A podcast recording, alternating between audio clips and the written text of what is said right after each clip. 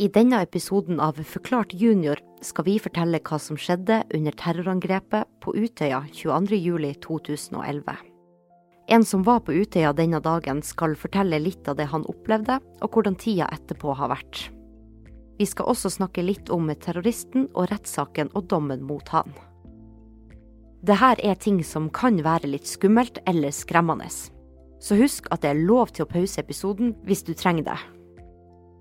Og hør gjerne episoden sammen med en voksen du stoler på, for det er fint å ha noen å snakke med om det her var vanskelig eller skummelt å høre på. For ti år siden i år, den 22. juli 2011, skjedde det noe helt forferdelig her i Norge. I forrige episode snakka vi om bomber som ble sprengt utenfor regjeringskvartalet i Oslo sentrum. Det andre terrorangrepet den dagen skjedde på en sommerleir for ungdommer på Utøya. Du hører på Forklart junior, en nyhetspodkast for barn laga av Aftenposten Junior. Jeg heter Ragnhild Thelise Christoffersen. Dette er andre episode i vår serie om terrorangrepene den 22. juli 2011. Og i dag skal vi snakke om hva som skjedde på Utøya.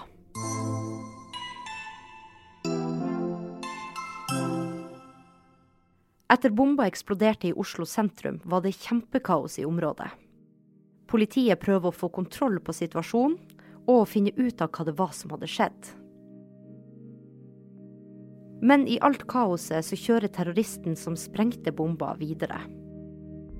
Han er nå på vei til Utøya, en kjøretur på rett over en halvtime fra Oslo. På denne øya er det flere hundre ungdommer som er med i AUF, AUF står for Arbeidernes ungdomsfylking, og er Arbeiderpartiets ungdomsgruppe. Det er altså ungdommer som er enig med Arbeiderpartiet. Og på Utøya har de en sommerleir hvert eneste år. Veldig mange av politikerne i Arbeiderpartiet har vært med i AUF da de var unge. Så mange tror at de som er med i AUF kan bli politikere i Arbeiderpartiet i fremtida.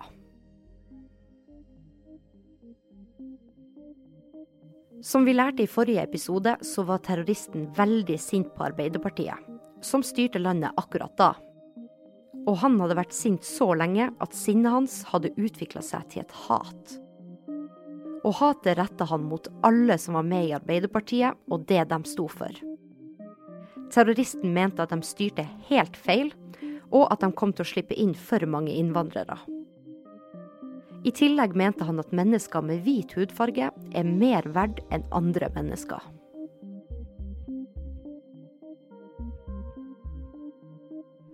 Terroristen kommer seg til Utøya. Han har på seg en falsk politiuniform. For da tror folk han er politi, og han kommer seg inn på plasser han vanligvis ikke ville fått lov til.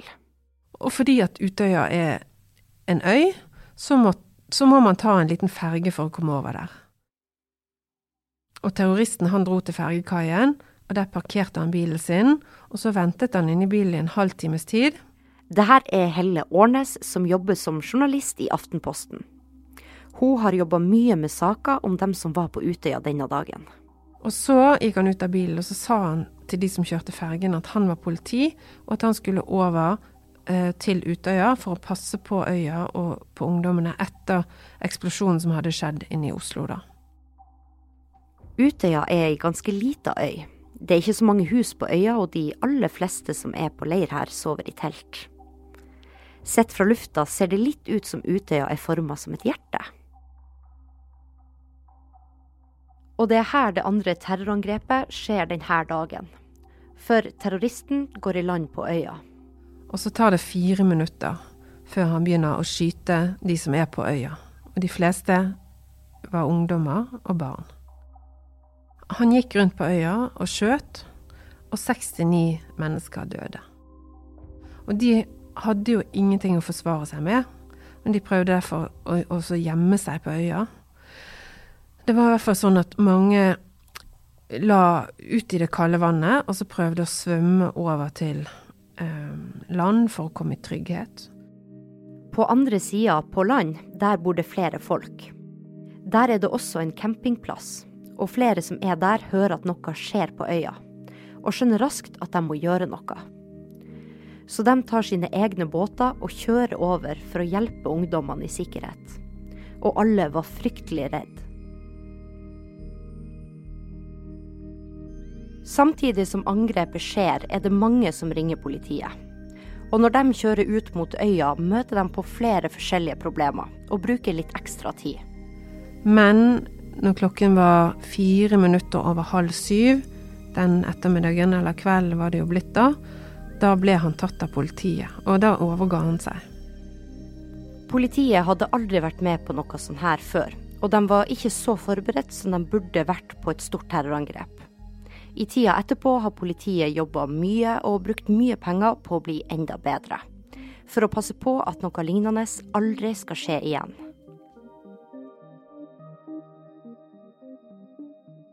Terroristen har vært i fengsel siden han ble tatt av politiet. I rettssaken mot han vitna mange av dem som var på Utøya. Det betyr at de fortalte til retten hva de hadde opplevd. Terroristen ble dømt til lovens aller strengeste straff, altså 21 års forvaring. Det vil si at han blir sittende inne til han ikke lenger er en fare for noen andre. I rettssaken ble det også undersøkt om terroristen var gal eller syk, men de kom frem til at han ikke var å regne som syk. Nå er han i Norges strengeste fengsel. Og der har han fått to celler som han har alene, fordi at han ikke er sammen med de andre fangene. Eh, det er sikkert også mange andre fanger som er sint på terroristen. Så han har jo en voksen mann som kommer og snakker med ham av og til, men ellers har han nok ikke mye besøk. Og han får ikke lov å bruke internett, og får ikke lov å bruke mobiltelefon. De aller fleste tror at han aldri kommer ut av fengsel, og det tror jeg også. Akkurat dette spørsmålet, kommer terroristen til å slippe ut, det er det mange som lurer på. Og det er nok sånn som Helle sier, at han aldri kommer til å komme ut av fengsel. For i fengsel jobber det mange som er eksperter på hvordan mennesker oppfører seg. Og de passer på at ingen som fortsatt er farlig for andre, slipper ut.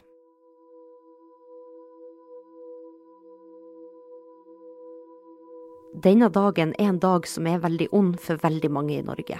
Og i tida etterpå var og er veldig mange lei seg. Til og med kongen gråt.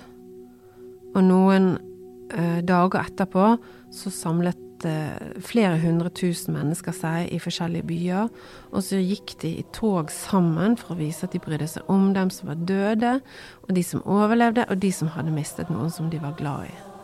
Og veldig mange av de som gikk i tog, de togene, hadde roser i hånden, og derfor så ble de kalt for rosetog.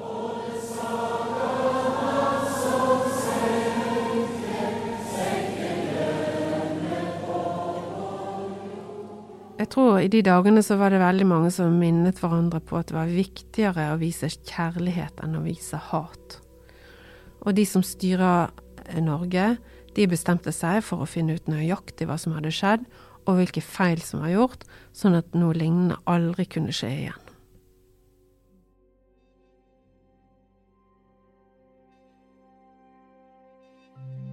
I år er det ti år siden terrorangrepene.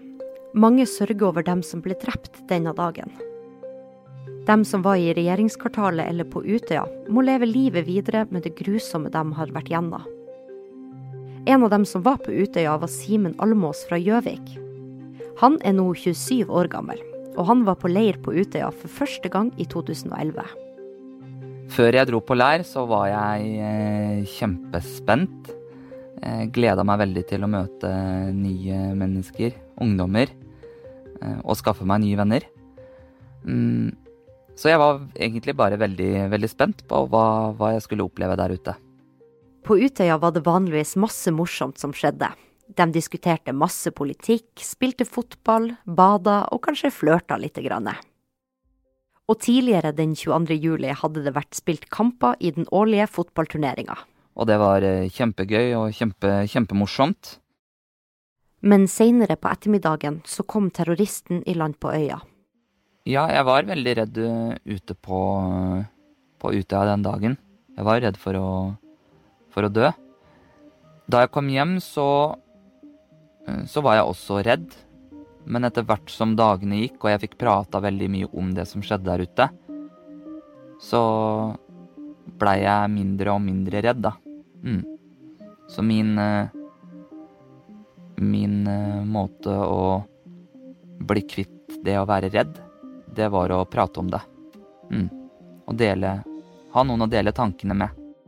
Simen ble frakta over til land og i sikkerhet med båt. Båten var styrt av en av dem som bodde på campingplassen på andre sida.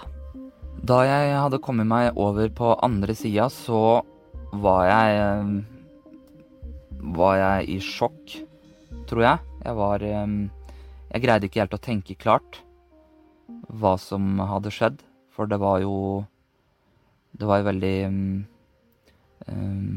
mye inntrykk. Altså veldig vonde, vonde ting som skjedde der ute. Så jeg greide ikke helt å skjønne på en måte hva som nettopp hadde skjedd.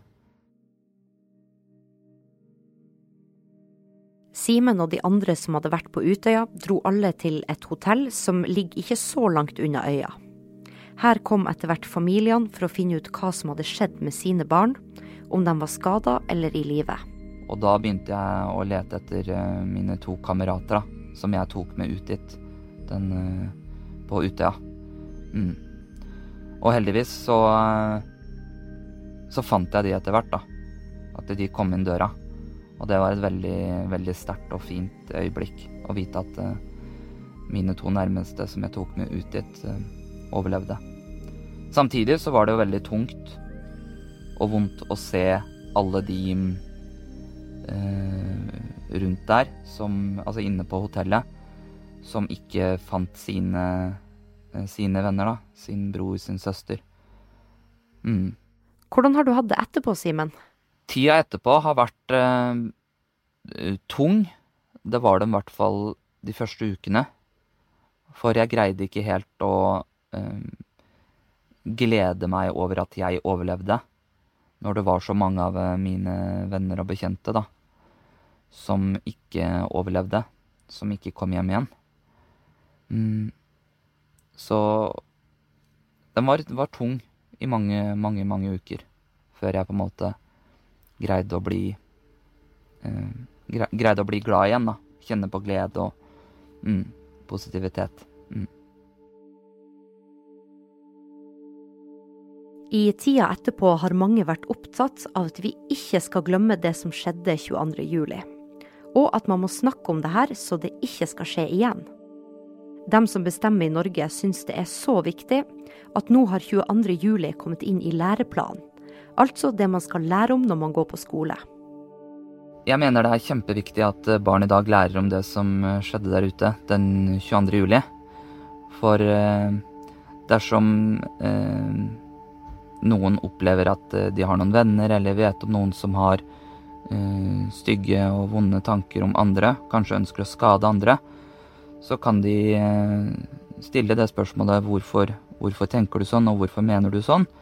Uh, og så kan man jo også si ifra til noen voksne, sånn at man kan få prata ut om de vonde tankene man har, og, og um, ja, så derfor er det kjempeviktig at barn, barn, lærer om det som skjedde. For det er viktig at vi tar vare på hverandre og, og er glad i hverandre. I dag tenker ikke Simen så mye på at noe sånt her kan skje igjen. Og er ikke veldig redd for det heller. Men Simen, når du tenker tilbake på det du har vært igjennom, er det noe du har lært eller har tatt med deg videre i livet? Jeg har lært at livet er eh, Livet i det ene øyeblikket er veldig fint, og plutselig så kan livet snu og bli veldig, veldig tungt. Men sjøl om eh, livet er tungt og vanskelig, så går det an å kjempe seg opp igjen og få et godt liv, da. Men så lenge vi greier å prate om de vonde tinga, dele det, så, så greier vi å kjempe oss gjennom de tøffe tinga.